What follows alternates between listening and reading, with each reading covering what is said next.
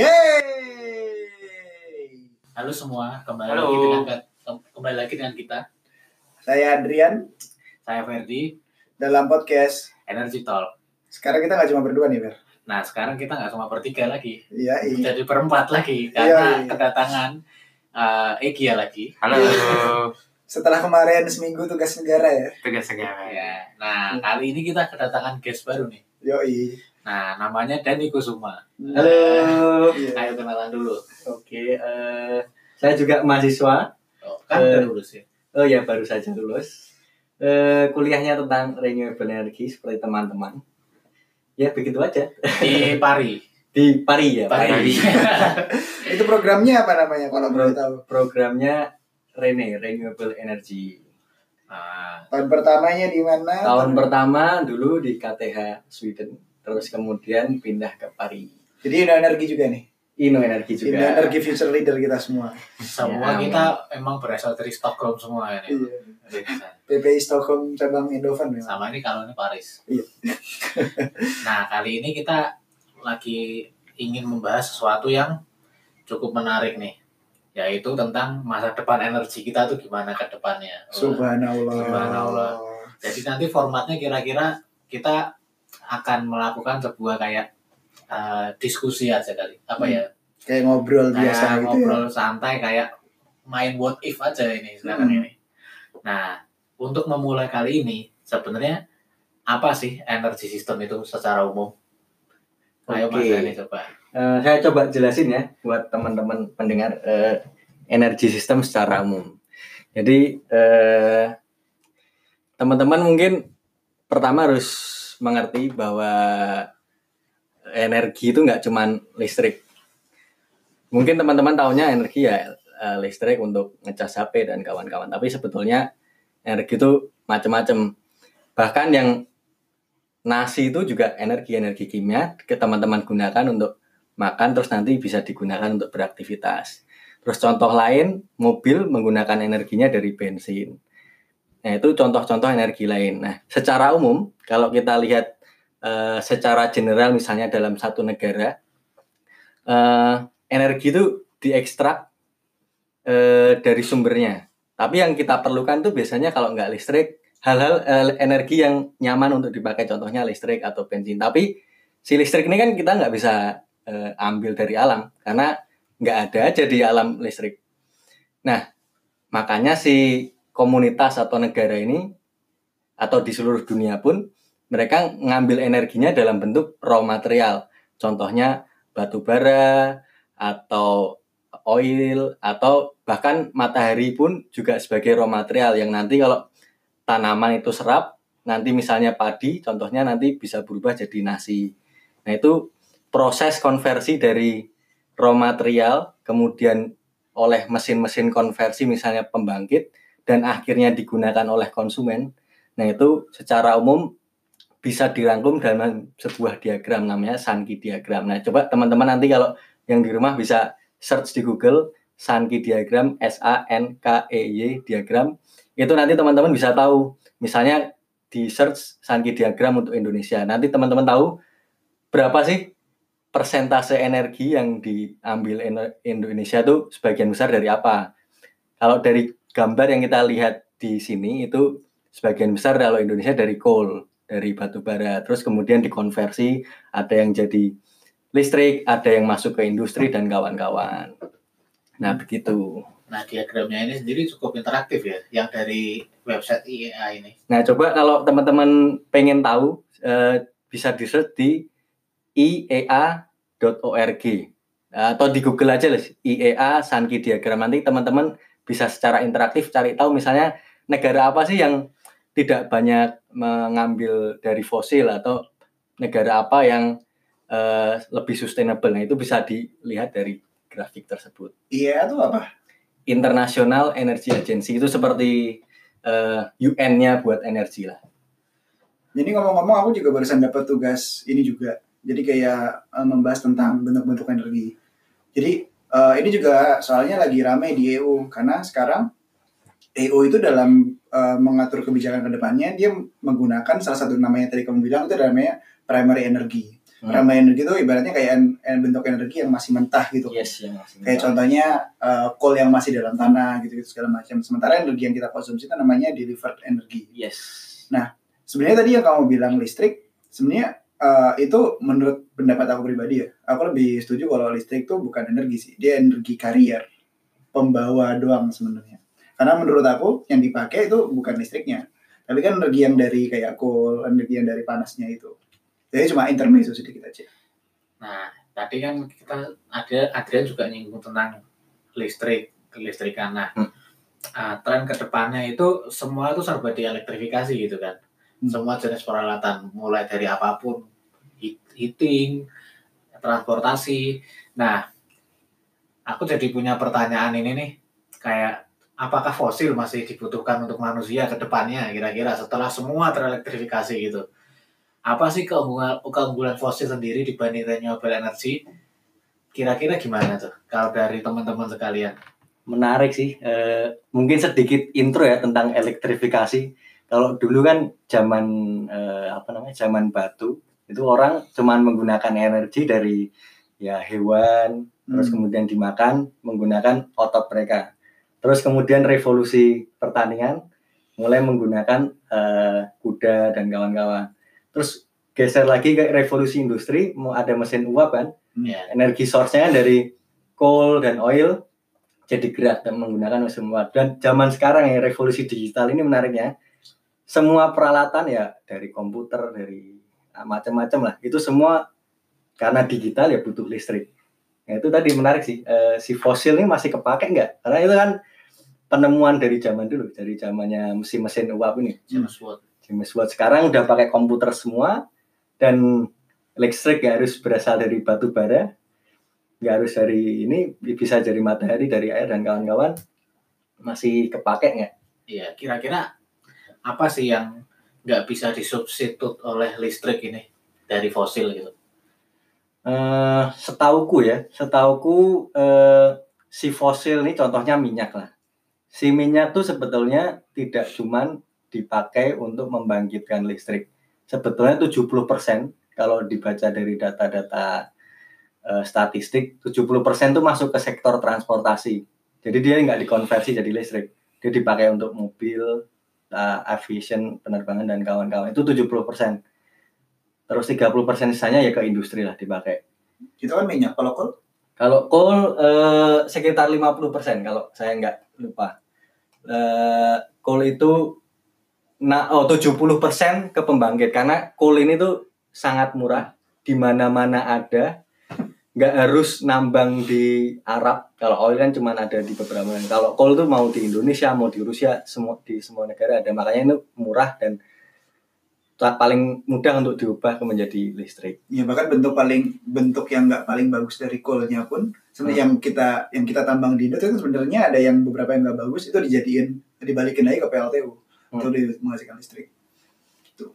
Terus kalau satu lagi natural gas, natural gas itu eh, ya CH4 metan, LNG. ya LNG. Eh, sekitar 40% ke pembangkit, sisanya ke kalau di Eropa ya biasanya untuk hot water untuk pemanas atau ke industri yang butuh pa- panas besar misalnya untuk melelehkan baja dan kawan-kawan. Hmm. Nah, pertanyaannya itu tadi zaman sekarang kalau contoh eh, paling terkenalnya kan mobil listrik mulai populer nih yang tadi oil tadi padahal 70% bayangkan. Konsumernya si industri migas ini adalah oil. Eh adalah si eh, kendaraan. Gimana nih dengan eh, hadirnya mobil listrik? Menurut teman-teman Ini masih ya, ini ini kita mikirnya nggak cuma 20 tahun ke 30 tahun ke depan ya, bisa jadi 50 Hmm. 60 tahun ke depan tuh kira-kira fosil itu masih penting gak sih sebenarnya? Jadi sudut pandang teknis ya. Dari sudut pandang teknis dulu. Jangan sudut pandang yang lain politik gitu jangan. dari teknis ya sebetulnya kalau khusus oil sama natural gas ini yang 30% sisanya itu untuk feedstock. Feedstock itu kayak raw material. Jadi kalau teman-teman belum tahu si plastik dan ya tupperware dan kawan-kawan itu semuanya sebenarnya berasal dari si Oil. oil ini.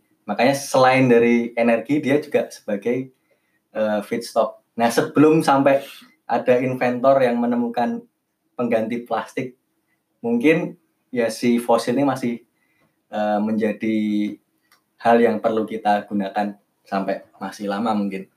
Tapi tetap aja 70% bayangkan kalau kalian punya perusahaan 70% konsumennya hilang pasti panik dong. Hmm. selama baterai energi density-nya masih rendah masih susah ya buat mensubstitu- mensubstitusi itu juga berarti kan?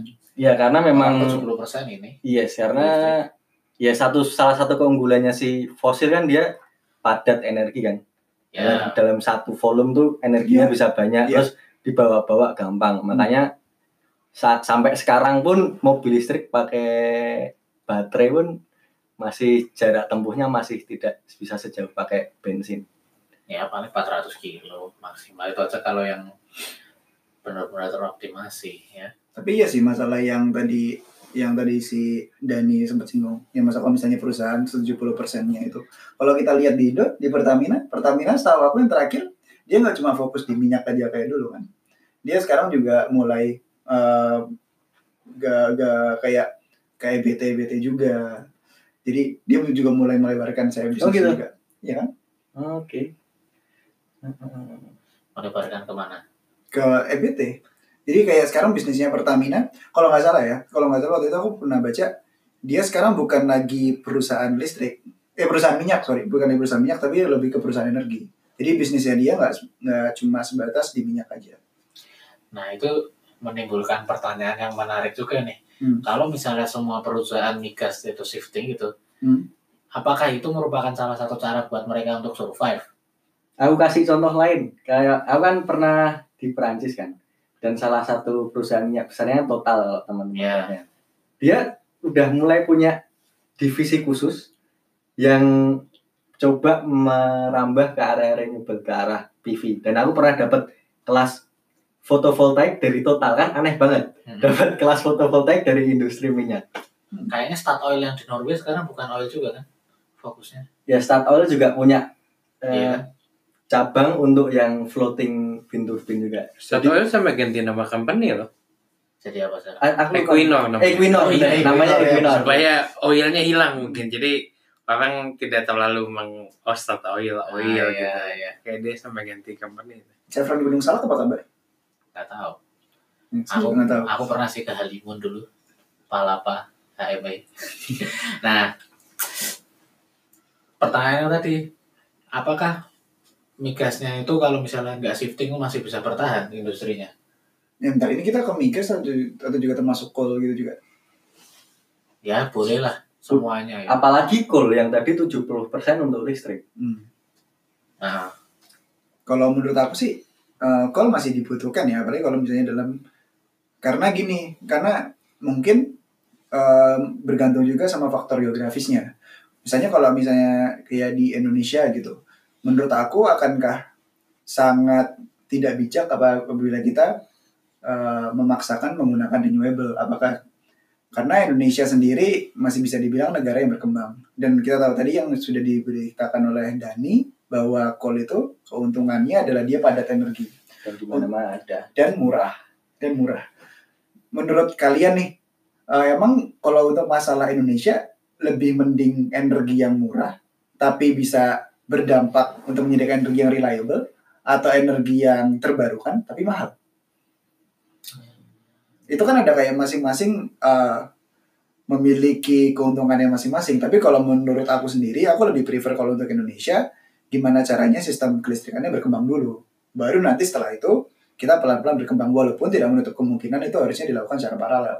Tapi untuk sekarang aku pribadi masih belum setuju kalau misalnya coal tergantikan apalagi dalam sistem kelistrikan. yang dimaksud sistem kelistrikan di sini itu apa berarti pembangkit masuk nggak hitungannya Pembangkit masuk dong. Satu sistem kelistrikan berarti dia menyangkut dari Nah. generasi, distribu eh, transmisi sama distribusi. tapi kan kalau misalnya kita nggak memulai untuk renewable energy kapan lagi gitu Ya, aku setuju. harusnya kan memang tapi enggak sih bayangkan kalian sebagai pemerintah punya budget APBN sekian yang digenjot itu pertama pasti pertumbuhan ekonomi kan Betul. eh, ngapain ke renewable selama dia harganya nggak bersaing dengan coal dan kawan-kawan kalau yang diperjuangkan tuh eh Target pertumbuhan ekonomi tadi. iya bukan apa ya bayangkan pemerintah sekarang apa ya memikirkan berapa karbon yang diemisikan bahkan kebakaran aja dibiarin gitu doang. Hmm. Maksudnya menurutku sih negara-negara berkembang sangat sedikit yang memikirkan eh, bagaimana masa depan environment. Mungkin di nomor dua kan. pun ditambah faktor intermittent tadi yang tadi di- sempat disinggung oleh Dani. Karena menurut aku eh, sekarang dalam membangun sistem sebuah negara selain listriknya ada banyak dia juga harus reliable karena kayak nggak make sense kalau kamu memiliki banyak tenaga angin, tenaga surya tapi eh, terkendala cuaca dan kamu tidak bisa menjamin kestabilan sistem kamu.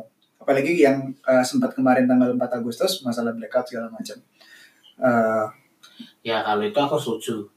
Kalau misalnya masalah tentang itu harus dikuatkan dulu masalah suka misalnya harus jaringannya harus kuat dulu ya, lebih lebih baik kayak gitu. Cuma menurutku sih eh, harus di ada anggaran untuk memulai renewable gitu loh. Betul, betul. Emang seharusnya tidak dilakukan kayak secara seri gitu, tapi harusnya dilakukan secara Paralel, paralel. iya. Iya.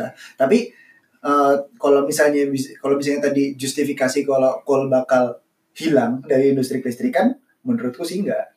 Karena ada ada beberapa aspek yang nggak bisa disuplai dari renewable. Contohnya yang masalah inersia tadi.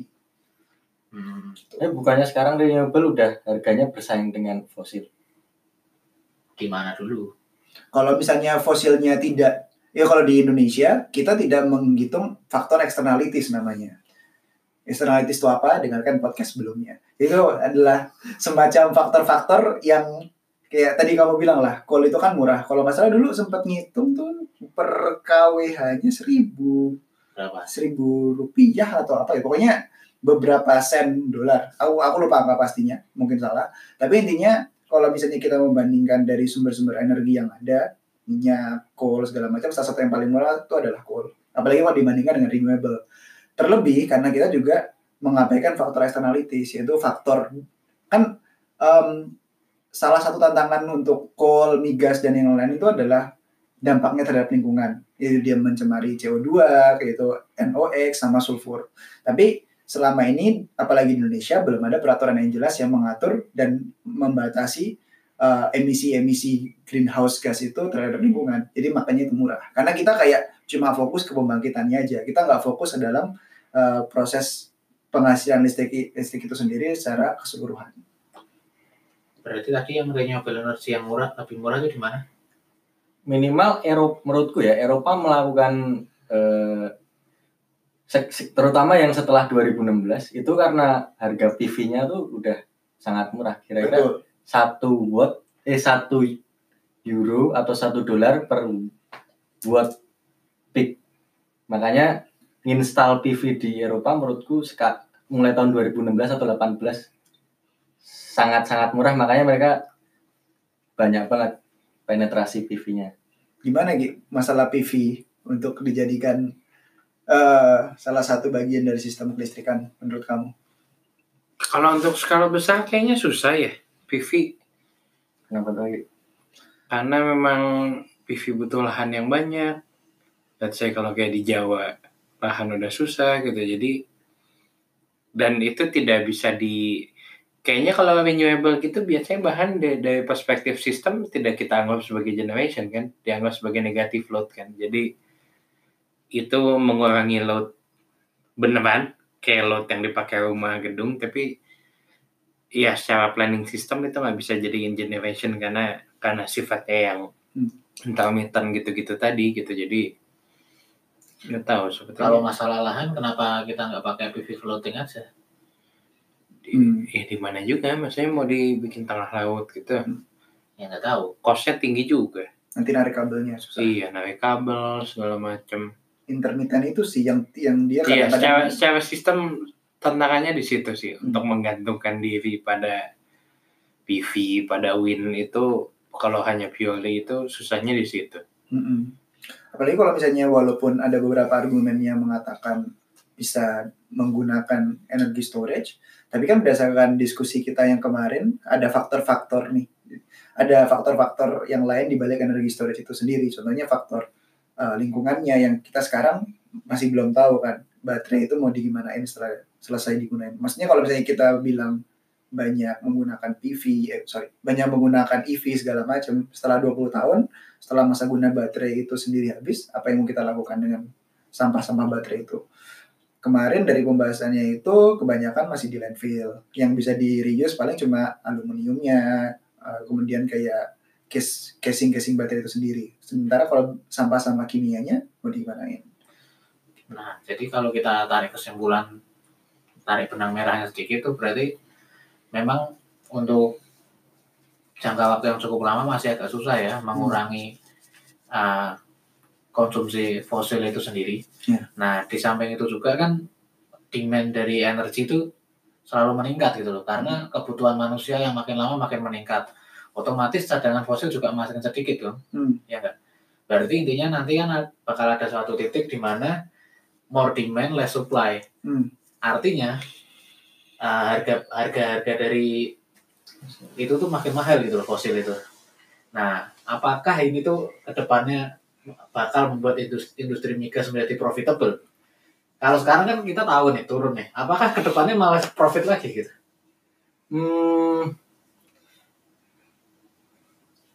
memang jadi kalau dari logika tersebut ya eh, demand akan tetap naik minimal dari negara berkembang lah. Dan negara berkembang tuh eh, jumlah orangnya lebih banyak daripada yang negara maju.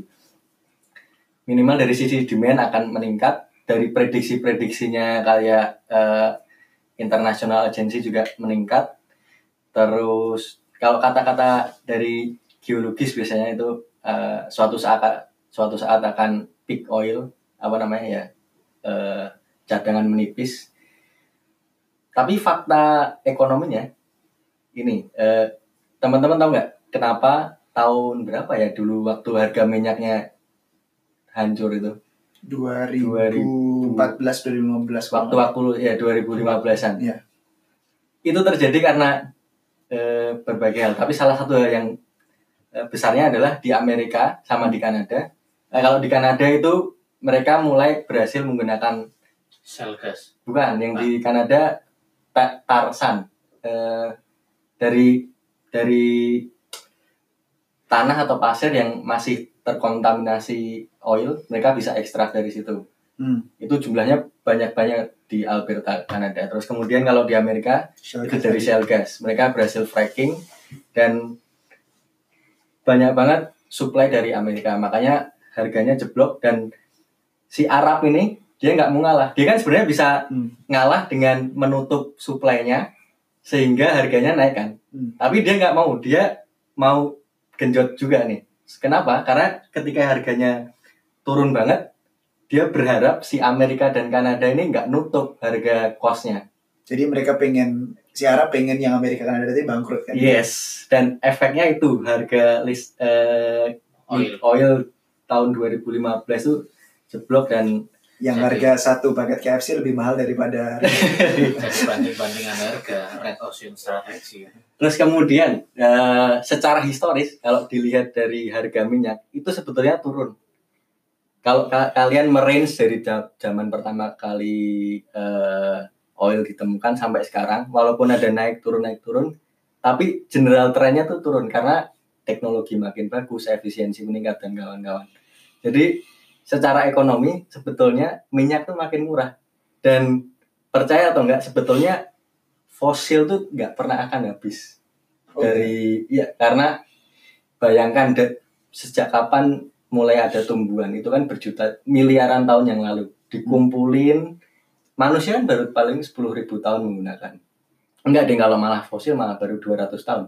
Hmm. itu cadangannya tuh sangat sangat banyak apalagi kalau coal dan metan itu eh, bisa dibilang tak terhingga kenapa kok oil dianggap pernah apa namanya suatu saat akan habis karena dari teknologi yang lama dia tuh cuman bisa ngekstrak yang tekanannya tinggi. Hmm. Contoh lah fracking itu dia bisa mengekstrak dari yang kayaknya lahannya udah nggak bisa diambil lagi karena bukan karena habis, karena yang tekanannya tinggi itu udah nggak ada lagi. Hmm. Tapi sebetulnya masih banyak banget yang di dalam tanah. masih di bawah yang di bawahnya lagi masih. Yes, itu cuman karena tekanannya nggak ada aja Hmm. dan fracking bisa eh, menyelesaikan masalah itu. Makanya sebetulnya dari sisi eh, ekonomi si minyak nih tambah murah dan jeleknya lagi dengan tren elektrifikasi eh, sepertinya kalau dilihat dari jangka panjang ya demandnya akan turun. Makanya menurut menurutku sih ya eh, ya si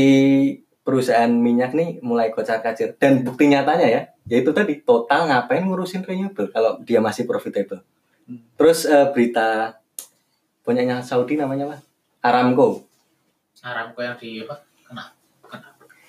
Gitu. Dia ngapain sih prince-nya ngejual share dari si ininya? Dia kan pengen sekarang lagi mau jual share-nya. Padahal dari dulu dikuasai sama si satu kerajaan nggak pernah dibuka. Ngapain dia mulai ngejual perusahaannya? Hmm. Menurutku sih mulai kocar kacir dengan tren seperti ini. Hmm. Itu sih eh, yang banyak aku baca. Nah, tapi soal yang tadi kalau kata Dani bilang bahwa perusahaan oil gas masuk renewable karena kocar kacir nih, sebenarnya ada yang menarik juga nih. Hmm. Pernah baca soalnya di entahlah di mana lah di internet pokoknya.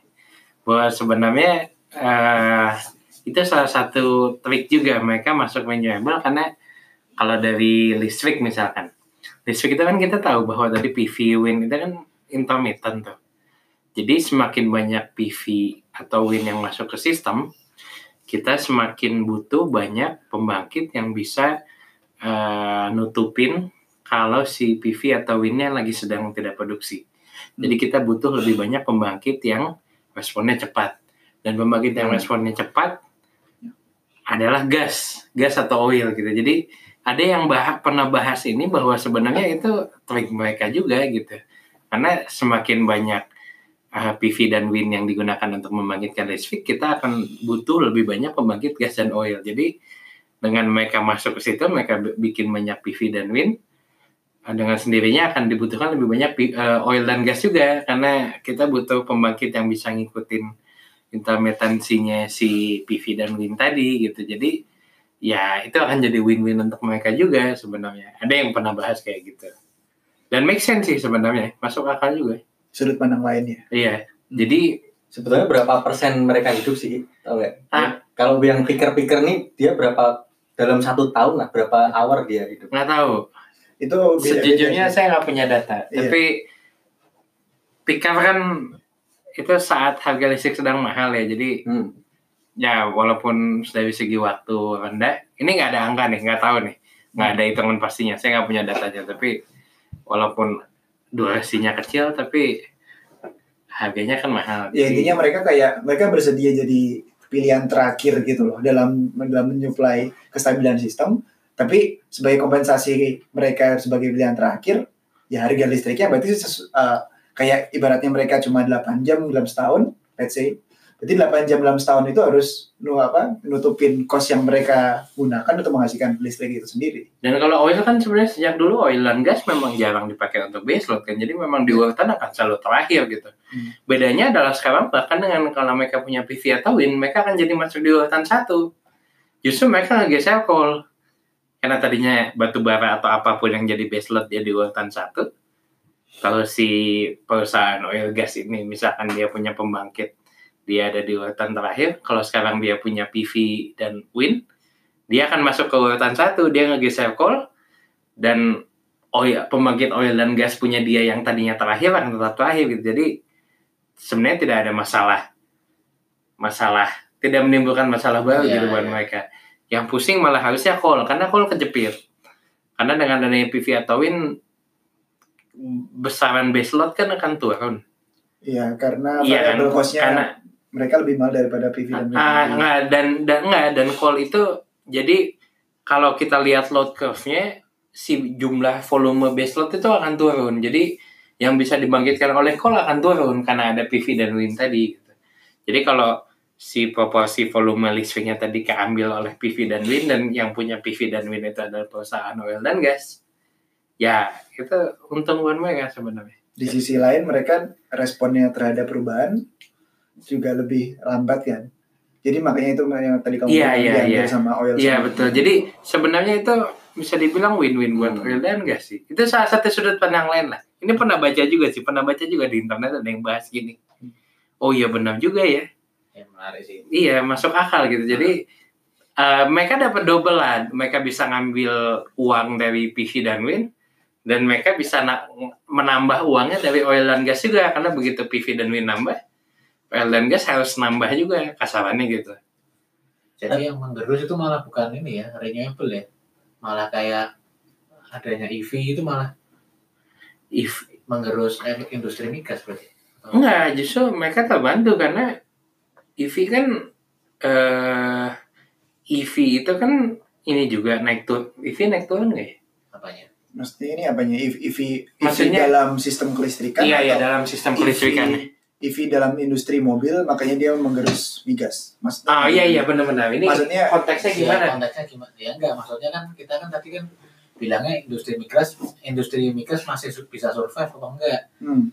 Nah tadi kan itu kan dari sisi renewable energy, sedangkan migas sendiri kan banyaknya kan dipakai di Oh dari dari sudut pandang industri mobil. Oh kalau dari industri mobil, sejujurnya saya nggak punya nggak nggak nggak terlalu kebayang lah. Hmm. Mungkin dia akan berkurang. Harusnya berkurang. Ah, secara langsung berkurang, tapi kita nggak tahu. Mungkin saja. Jadi mesti dilihat nih. Misalkan tadi mobil karena pakai EV jadinya nggak pakai bensin lagi nih. Hmm. Jadi kalau dari segi bensinnya berkurang. Tapi on the other hand, kalau listriknya dibangkitkan dari mana, Hmm. Ya, jadi mung- mungkin saja mungkin eh, terpengaruh negatif, mungkin juga enggak gitu. Hmm. Tapi masih pertanyaan sih apakah si perusahaan minyak ini bisa mulai kan mereka mencoba merambah ke renewable kan? Iya. Apakah mereka bakal berhasil? Ah, Bayangkan ya, Anda tukang bengkel atau tukang mie ayam lah. Mencoba untuk merambah ke area bengkel ya. Dia nggak punya ini expertise. expertise untuk itu. iya, tapi kan Tapi dia kalau gitu power. gampang. Itu mah Cari aja orang. Enggak juga. Faktanya adalah karena aku eh, riset di PV ya. eh, si totalnya yang aku tadi cerita, Hmm. dia punya riset di Paris. Kata teman-teman yang PhD, riset dia tuh lima tahun ke belakang dari teman-teman PV yang beneran ngerjain PV. Hmm. Jadi sam- sampai sekarang sih Iya, iya. eh, buktinya mereka masih jauh di belakang. Walaupun ka- kamu bisa bilang eh, mereka tinggal aja hire orang-orang bener, tapi faktanya minimal dari di atas direksi sampai ke bawah kan eh, tidak banyak pikiran tentang Hmm. bagaimana sih Ya. teknologi ini Hmm. harus diarahkan dari sisi direksinya yang mengarahkan kebijakannya ke mana karena mereka nggak pernah sama sekali ber- eh, berurusan dengan itu walaupun mereka bisa hire orang-orang Hmm. yang pinternya itu sih salah satunya Tapi sepenting apa si total atau industri migas ini tuh punya research center yang sebaik industri PV asli gitu loh. Bisa jadi mereka cuma end usernya aja kan. Sepenting apa gitu. itu pilihan mereka sih apakah mau eh, sebagai yang punya sampai punya patennya atau cuman sebagai ngurusin customer aja jual beli atau ya cuman manufaktur manufaktur pun perlu paten sih perlu deep research menurut menurut pendapatku lebih mungkin lebih menguntungkan kalau mereka jadi semacam eh, penyedia jasa energinya sih. Tadi tadi diomongin Ferdi misalnya kayak kasus Vattenfall gitu. Kayak awalnya dia cuma ke air tapi ujung-ujungnya dia juga menghasilkan listrik dari energi-energi yang lain. Tapi pasti dia udah pasti kalah dengan kalah start dulu sama industri-industri kayak EDF dan Vattenfall kalau Nah. apa eh, kamu bilang mereka bisa mengar- eh, merambah ke sana orang marketnya pasti udah diambil dulu sama si Hmm. industri yang lainnya bahkan kalau lebih ke customer kayak eh, Amazon Google tuh lebih tahu lagi eh, pendekatan retail ke kan- customer Bentar, ini maksudnya mereka mereka menjual menjual menjual teknologi atau menghasilkan energi energi itu untuk dijual ke sistem. Karena kan kalau misalnya tadi kamu bilang ma- pasarnya Oh, iya. mereka udah diambil, kan pakai trading, pakai bisa trading. juga bisa juga Cuman- Mereka mau masukin harga berapa? Itu. Jadi kalau misalnya mereka fokus ke misalnya let's say mereka punya satu beli invest satu lahan nih asik, terus dipakai buat ngasilin PV dari situ terus mereka ikutan trading di Nord Pool mereka pasti dapat bagian gitu lanjut North Pole apa dulu tadi jadi Oh, banyak bahasa yang itu itu masuknya ke electricity market dan akankah sangat kurang ajar bagi saya untuk menjelaskan electricity market sementara kita Asli. punya orang yang Ahlinya. nilai 9 betul tesisnya untuk electricity market di Siapa sini. itu? Siapa ya? yang kemarin dapat kumlot nih gimana Gi masih itu trading tadi Gi secara singkat atau Ini kayaknya aja? udah pernah dibahas juga di edisi episode 1 ya. ya makanya tonton yang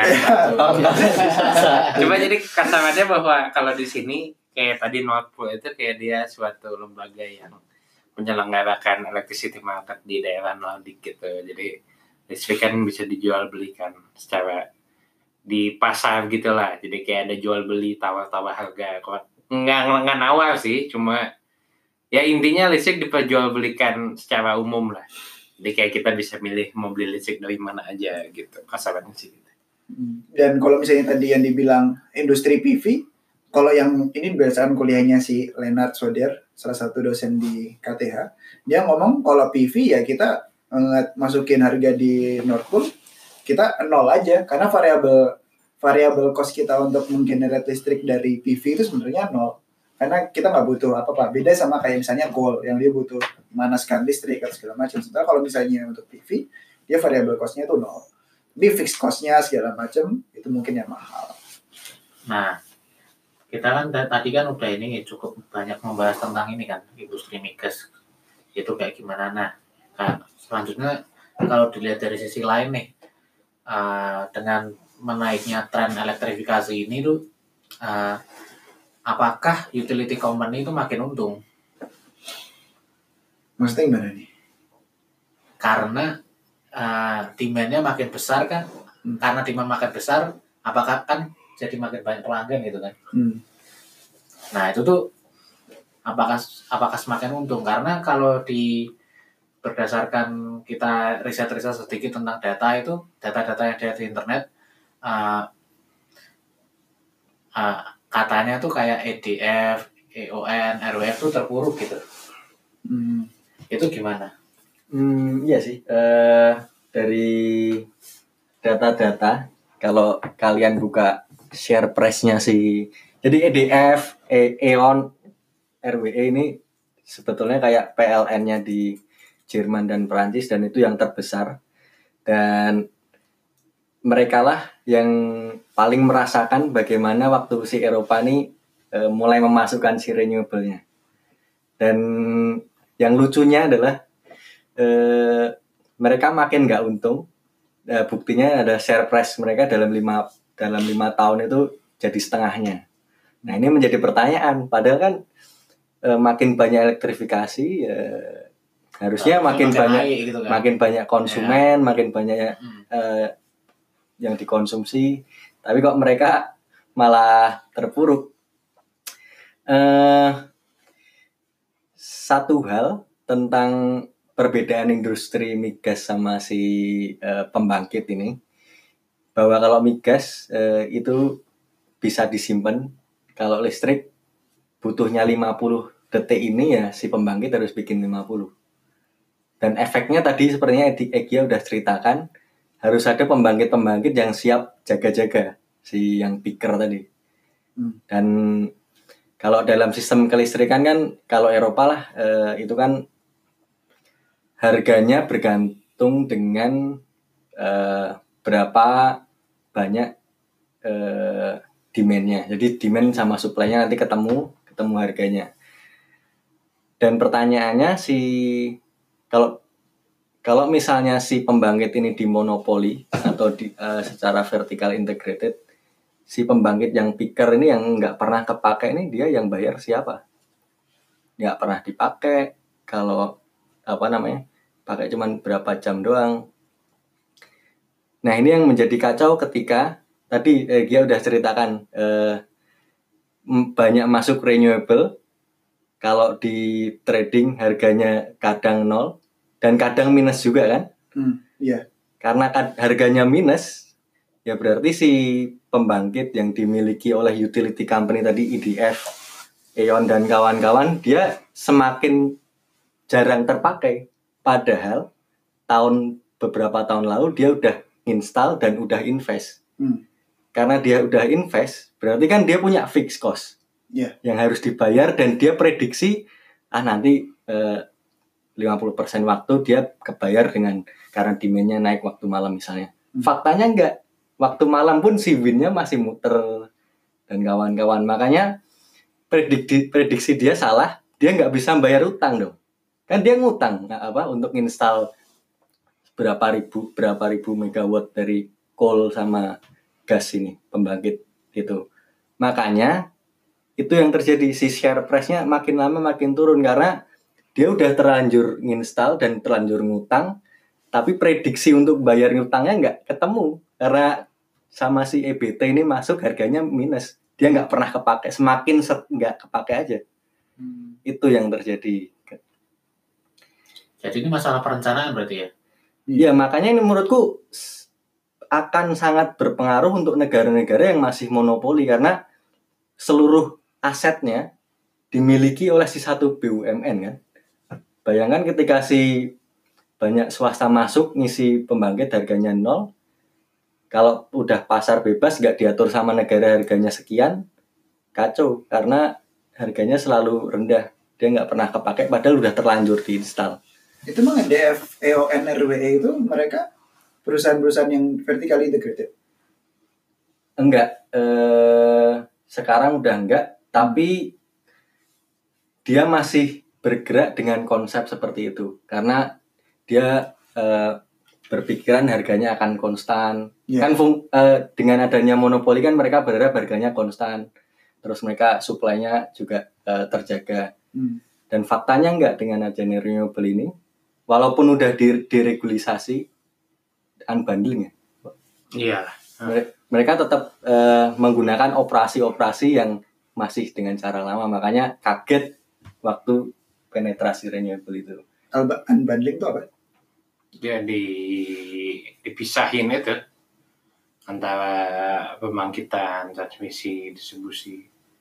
Hmm, aku nggak bisa komen banyak sih bagian ini karena menurut aku tadi yang dibilang Ferdi juga itu di situ adalah salah perencanaan dan aku kebetulan nggak eh, bukan bidangku untuk mengomentari itu. Tapi tadi yang masalah yang di si Dani bilang antara demand sama supply ketemu itu kalau nggak salah namanya spot price ya gitu. yes spot Iya. price Eh, itu memang benar itu kadang eh, ada suatu waktu di mana dia harganya nol ataupun negatif. Itu kalau nggak salah trennya biasanya di summer.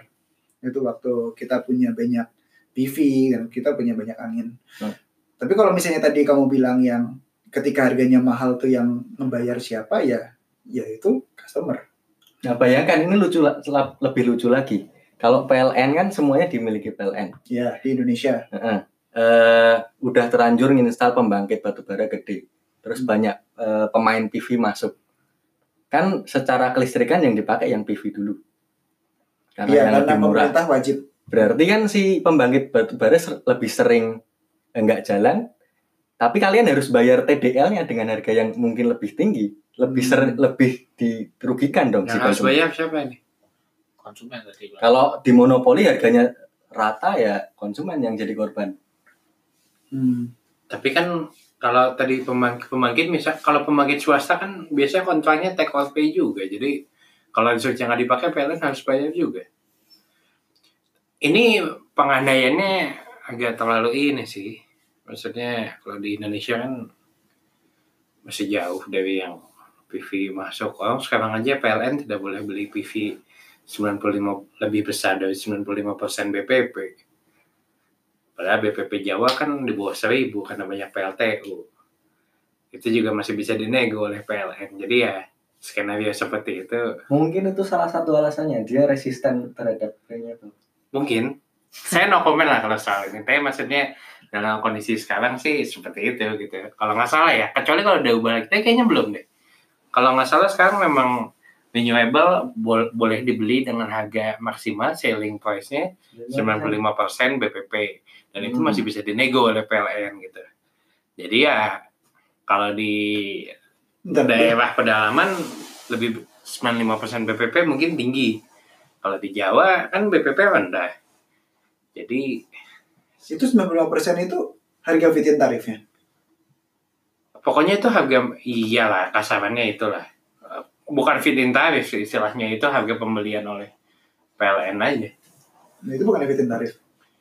Kalau kita fit in tarif kan cenderung lebih kepada harga yang dibuat supaya eh, maksudnya fit in tarif itu kan biasanya terminologinya dipakai untuk supaya kita membantu untuk memasukkan ini kita kasih harga khusus namanya fit in tarif gitu Hmm. ya ini nggak tahu sebutannya masih fit in tarif nggak ya di permen yang dulu fit in tarif karena gede harganya kalau sekarang nggak tahu Itu tadi yang kamu bilang data 95% DPP itu informasi dari mana? Itu ada permen ya zaman zaman yang pokoknya yang paling baru lah. Kalau nggak tahu ya kecuali udah ada yang baru lagi. Tapi kayaknya dikeluarin tahun lalu apa dua tahun yang lalu gitu. Oleh Pak Jonan kalau nggak salah. Iya.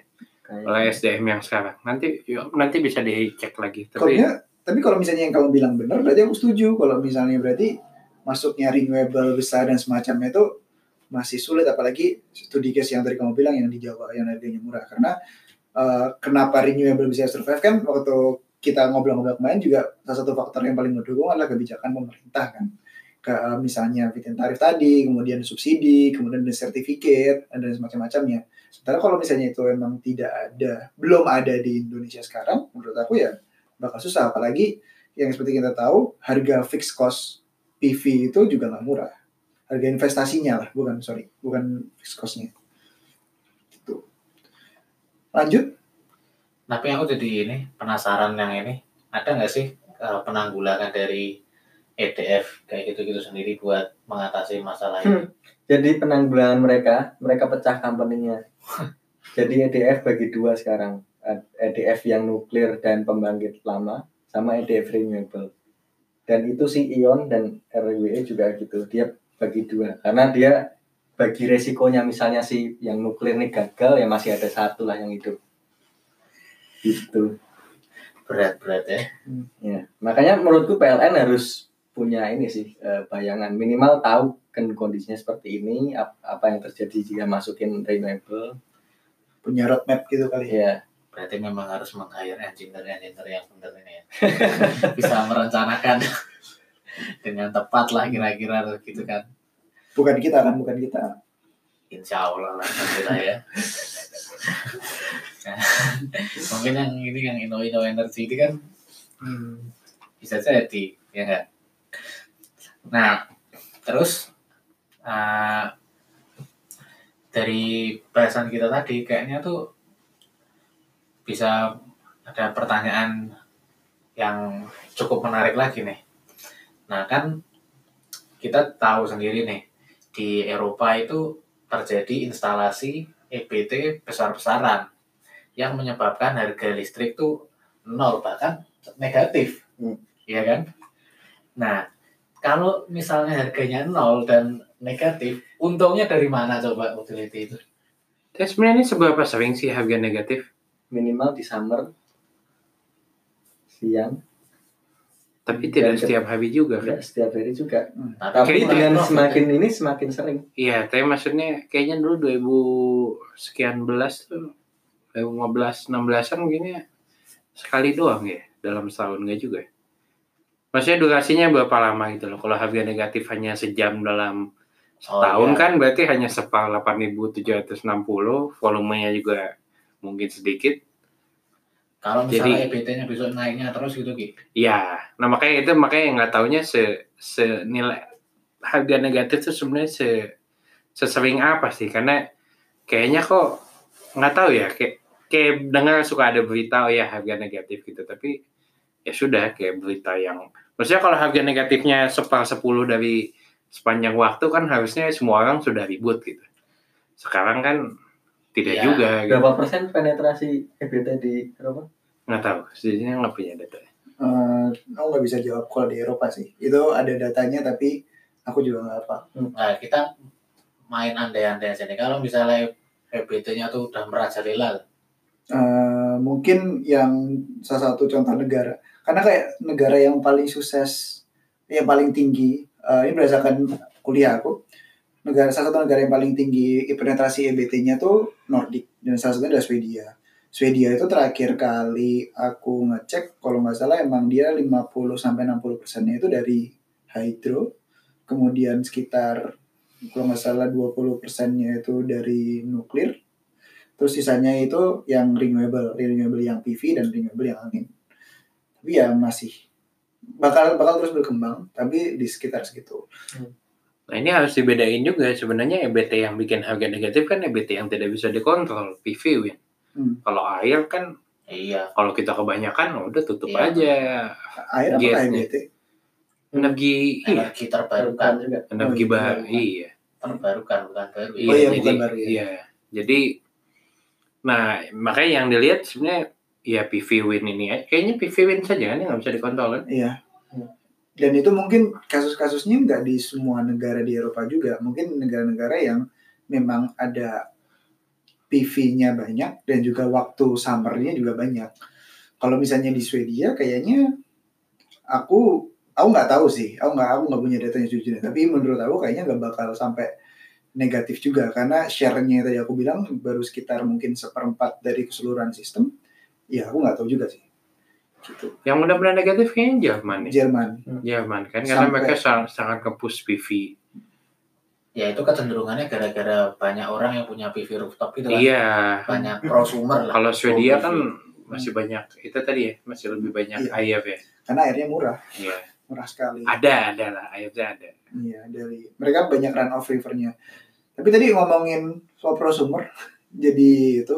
Tapi tadi ngomongin yang harga listrik negatif itu kan salah satu yang dilakukan uh, kebijakan dari EU-nya lah. Itu adalah namanya uh, uh, apa namanya? sebagai pemain-pemain yang dia memiliki sebagai balance responsible gitu.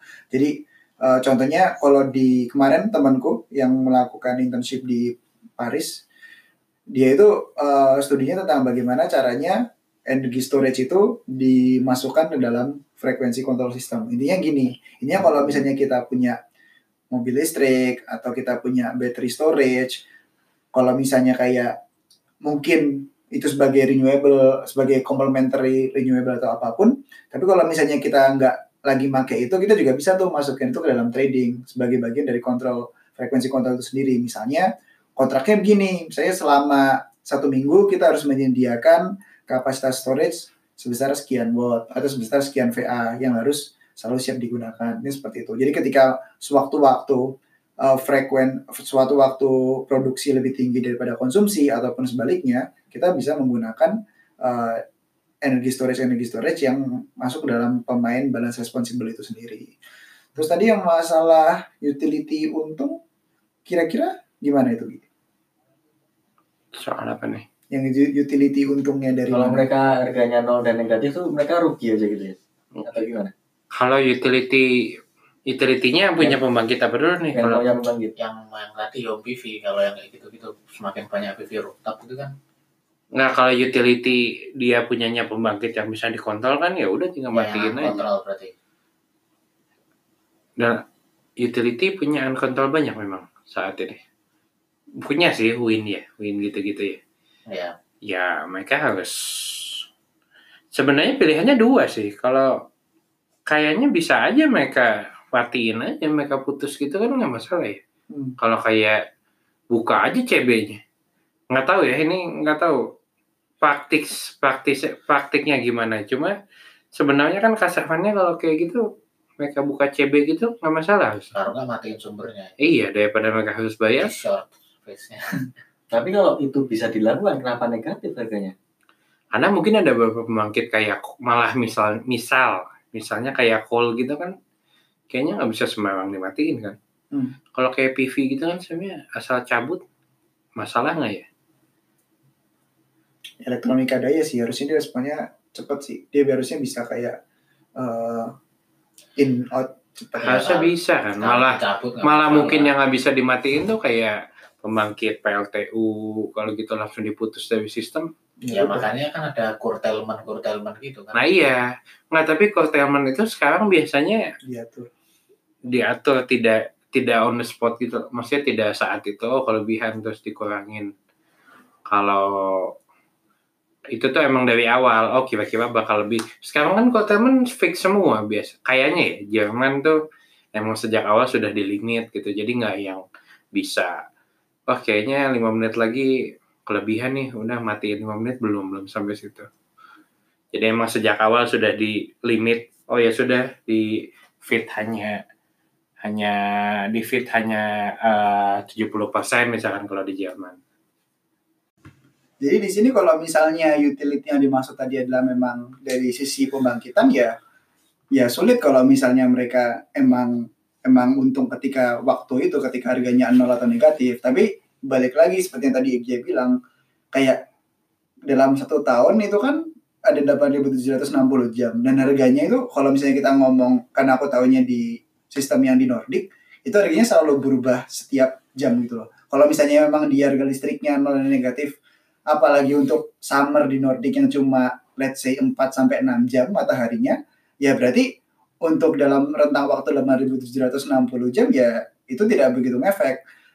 Apalagi untuk si untuk utility yang merupakan let's say coal atau pembangkit besar karena kalau misalnya mereka eh, memaksakan untuk lepas dari sistem ketika harga listriknya nol atau negatif, justru resiko yang mereka tanggung lebih besar yaitu resiko yang yang turbin yang awalnya menyuplai let's say beban 100 megawatt hour tiba-tiba kayak langsung hilang ya ya justru malah berputar lebih cepat dan segala macam. Itu mungkin di sini Pak Dani yang lebih tahu lah masalah turbin-turbin mesin seperti itu. Tapi kalau misalnya utility di sini memang eh, utility dari renewable dari yang punya ladang solar segala macam ya aku nggak aku nggak expert di bidang eh, elektronika daya. Karena itu yang lebih tahu kamu Fer. Tapi kalau misalnya setahu aku elektronika daya dia bisa lebih cepat lepas dan lebih cepat masuknya ke dalam Ya. sistem. Jadi bisa in out in out aja seperti Ingat, itu. ingat. Nah, dari tadi kan kita bahas tentang kayak hmm, utility itu sebagai kayak produsennya gitu. Hmm. Sedangkan kan sekarang tuh lagi banyak-banyak yang marah atau berkembang ada namanya prosumer di mana konsumen sendiri juga bisa jadi produsen gitu. Contohnya ya BB-BB rooftop gitu kan. Hmm. Dan kemudian juga ditambah dengan adanya tren uh, di rumah-rumah punya EV Hmm. dan ada EV charging juga. Nah itu tuh kira-kira gimana ya eh, peran dari prosumer dan EV charging itu sendiri di dalam hal yang ini tuh. prosumer itu kan sebenarnya definisinya kan produser dan konsumer ya. Ya, jadi dia bisa kadang-kadang dia bisa sebagai konsumer yaitu mengkonsumsi listrik satu arah dari grid. Atau kalau misalnya dia punya pembangkit renewable dia juga bisa mengekspor listrik itu ke dalam grid. Nah efeknya dan EV charging itu adalah dia sebenarnya kayak mobil listrik dia dikonek ke grid itu kan. Dan efeknya kayak gimana itu bisa beragam dari mana kita melihatnya. Kalau dari dalam kestabilan sistem eh, tren prosumer ini tren prosumer ini mungkin dalam sa- satu sisi dia bisa mengurangi eh, let's say eh, peak load dari dari suatu sistem itu sendiri yaitu malah justru bagus kalau dalam dalam sudut pandang sistem operator karena dia berarti mengurangi losses-losses dalam sistem itu sendiri.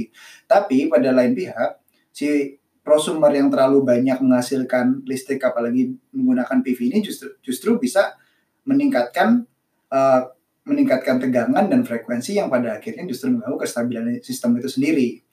Yang kalau EV charging itu di podcast pertama kan kita sempat nyinggung masalah V2G kan, vehicle to grid. Jadi EV charging atau energy storage lainnya ke dalam uh, suatu sistem apalagi untuk dalam hal ini tentang harga listrik nol atau negatif, dia juga bisa berperan sebagai balance responsible player yang tadi sempat aku sebutin. Jadi ketika harganya nol dan negatif, kita bisa kita bisa nih kalau misalnya jadi uh, balance responsible itu kita kayak punya agreement sama sistem operator uh, istilahnya seperti itu. Jadi ketika waktu-waktu ini kita harus siap mengkonekkan peralatan kita ke dalam sistem untuk membantu menstabilkan sistem. Kasarannya seperti itu. EV charging selama ini di Europe itu dilakukan ketika pagi hari, ketika orang-orang uh, mereka sebelum pergi dan itu menyebabkan uh, pada waktu pagi loadnya jadi besar dan arus yang mengalir di jaringan jadi besar dan rugi-ruginya jadi lebih besar. Dengan salah satu bentuk balance responsible pengguna EV charging itu seperti apa? Yaitu mereka bisa menggunakan loadnya ketika siang-siang misalnya, ketika banyak banyak energi dari PV dihasilkan ataupun mereka bisa juga menggunakannya waktu malam. Jadi kayak semacam memindahkan. Iya, lo- jadi kayak meratakan kurva beban itu semacam itu.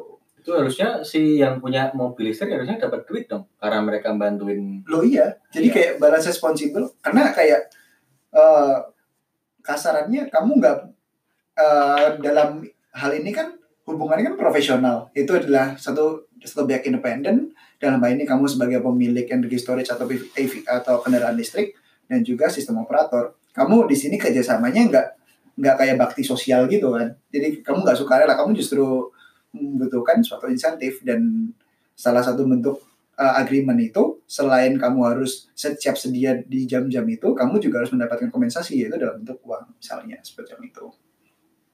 Hmm. Banyak-banyak kompleks sekali memang sistem kelistrikan ini. Apalagi tadi ngomongin soal market, ngomongin soal balance responsible. Ini uh, menurut aku memang kayak masa depan sistem kelistrikan seperti ini sih. Karena waktu pertama kali aku datang di sini dan mengenal istilah-istilah ini, aku juga kayak bingung karena di Indonesia kita masih terpaku bahwa utility itu adalah PLN, yaitu yang dia memegang semuanya. Dia yang memegang pembangkitan, dia yang memegang uh, bagaimana cara mendistribusikan listrik dan juga dia juga yang memegang uh, masalah-masalah dalam mengatur hajat hidup orang banyak. Dan dan ketika itu semua di sini dibagi-bagi, ada banyak player sebenarnya dalam listrik, listrik itu emang butuh waktu agak lama buat aku untuk menyesuaikan diri. Tapi ternyata ada banyak sisi positifnya, tapi dari sisi, sisi lain juga uh, masalah yang uh, banyak player di sistem kelistrikan ini juga ada tantangannya sendiri. Dan konsumen kalau di Indonesia selama ini kan kita tidak seperti tidak diberi kewajiban gitu loh untuk gimana ya asal pakai gitu Ya, pasif. pasif. Nah kalau di sini kan kita berperan aktif ya Hmm, demand response. demand response. Mm. Itu ada masalahnya juga tuh demand response. Masalah sosial yaitu uh, masalah privacy. Jadi kayak ada ada beberapa paper yang membahas kalau misalnya kan demand response itu kan kayak kayak si TSO-nya jadi tahu gitu loh, kayak kebiasaan kita menggunakan listrik. Itu data-data semacam itu kan di Eropa sangat dilindungi. Itu juga memang ada masalah tersendirinya. Tapi itu masalah teknis lah dari sisi dari sisi kebijakan itu merupakan langkah yang tepat untuk aku dalam rangka menyediakan listrik yang lebih efisien. Nah menarik menarik nih yang balance responsible ini. Hmm. Nah terus satu lagi nih kendala terbesar dari EBT sendiri tuh yaitu tuh intermittent. Hmm. Jadi itu kadang-kadang ada, kadang-kadang ya enggak gitu Hmm. kan. Nah, nah, ada suatu wacana bahwa upaya untuk menanggulangi intermittent sendiri itu dengan menggunakan storage system ya ketika peak disimpan kalau kalau enggak ya dikeluarin aja langsung. Nah, apakah storage system itu tuh mampu sebenarnya mengatasi itu? Kira-kira gimana? Gimana Bapak Dani dari Hmm. sudut pandang renewable energy? Eh, storage system nggak cuman Ya baterai, coba baterai storage system. banyak ada pump hydro kalau teman-teman tahu, terus kemudian yang novel nih yang bag- yang eh, baru-baru kalau di Jerman di Eropa eh, ada penyimpanan jadi si listrik ini diubah menjadi hidrogen. Dia untuk me- mecah air jadi hidrogen dan oksigen nanti hidrogennya disimpan pakai fuel cell terus kalau butuh listrik dibalikin lagi. Bisa juga si listriknya digunakan untuk eh, melakukan proses kimia. Nanti si seperti fuel nih yang dibikin bisa dibalikin ke sistem. Dan banyak lagi seperti kayak eh, pakai kompres. Air kompres. air kompres juga bisa.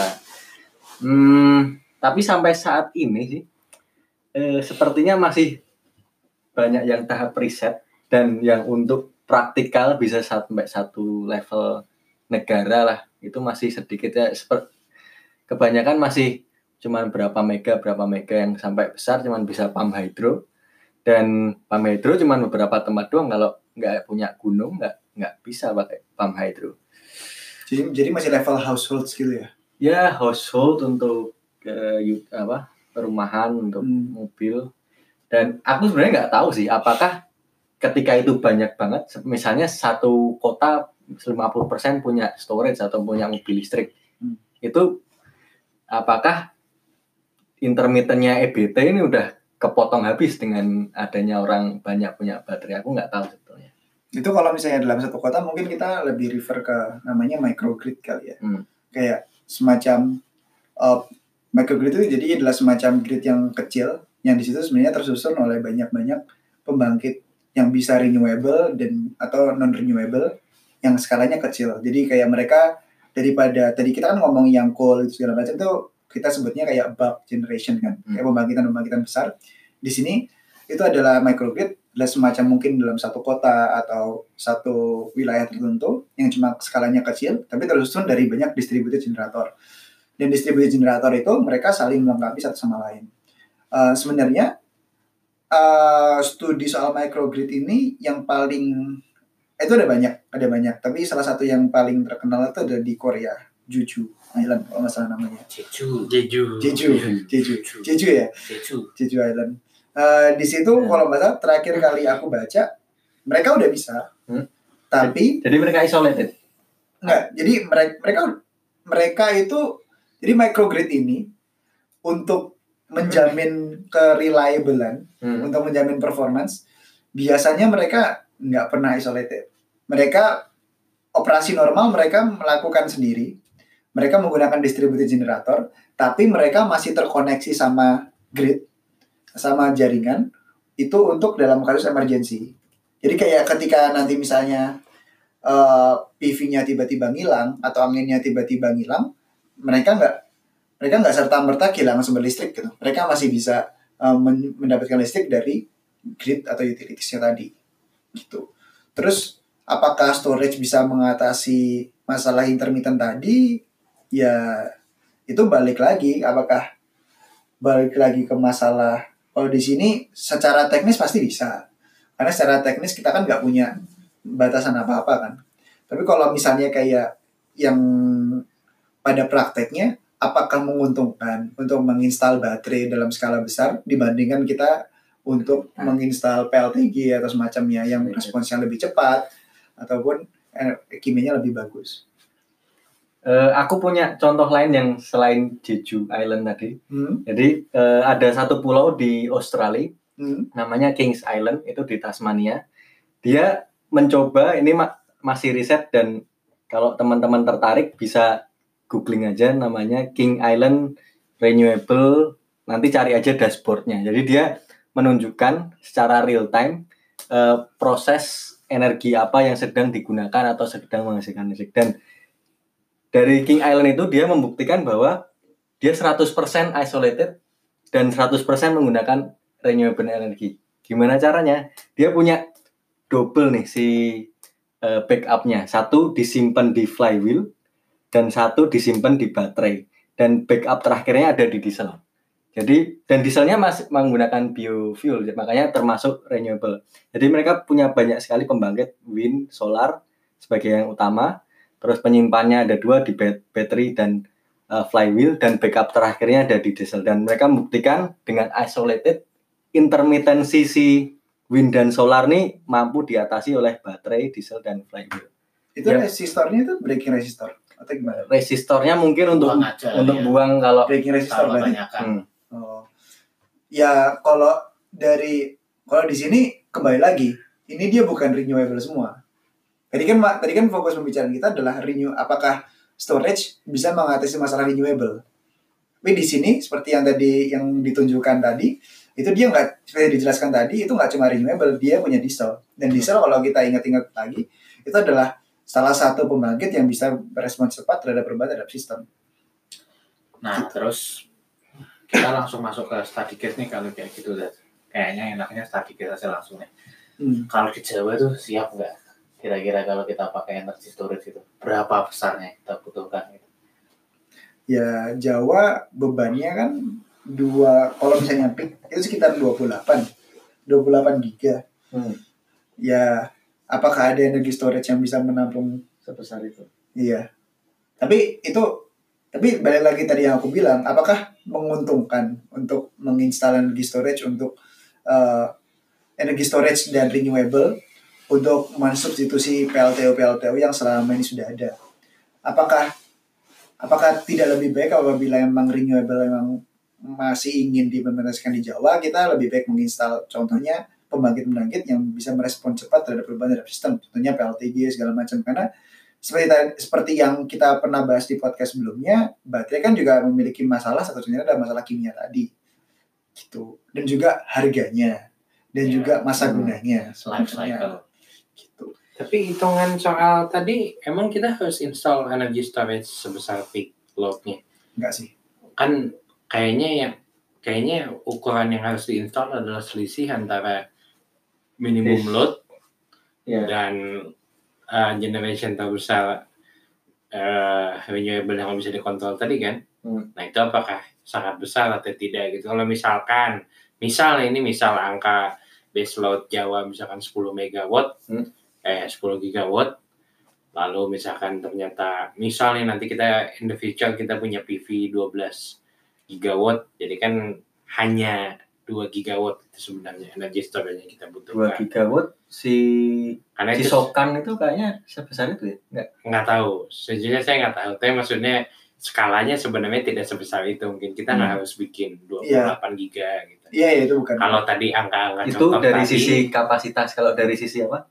Kecepatan eh, untuk uh, power density-nya nah itu nggak tahu tuh Uh, baterai power density-nya sebesar apa sekarang kalau baterai masih kecil kalau sekarang maksudnya kalau PV kan kayaknya bisa tiba-tiba hilang gitu kan hmm, berarti harus dalam second dia respon ya. Re- respon time ya, respon, respon time time-nya iya jadi si ram ramping rate-nya tuh Iya. yang itu second harus berarti. dipikiran juga sih iya kalau baterai kan kalau Yang- DPN respons time-nya juga cepat Ya kalau yang pasti si pump hydro ini respon time-nya menit menit. Karena kalau Oh, buka kartu ya, ya, ya. kan. enggak, makanya harus cari storage selain yang yang kenceng nih, Hmm. ya, ya. baterai atau enggak. dan mu- mungkin inersia juga sudah jauh lebih berkurang ya jadi nggak ada yang nahan Hmm. frekuensi Iya. untuk tidak drop dulu gitu itu itu detailnya harus di Banyak lebih pertimbangan mendalam ya. sih iya betul Hmm. Jadi nggak cuma masalah apakah storage-nya cukup atau enggak. iya betul betul Nah, cukup kompleks ini masalahnya ini kalau misalnya kita mau mengaplikasikan storage di Jawa kira-kira Hmm. masih panjang perjalanannya ya. Masih panjang. Nah terus eh, apakah Indonesia tuh harus ngikutin pola-pola kayak di Eropa gitu sih?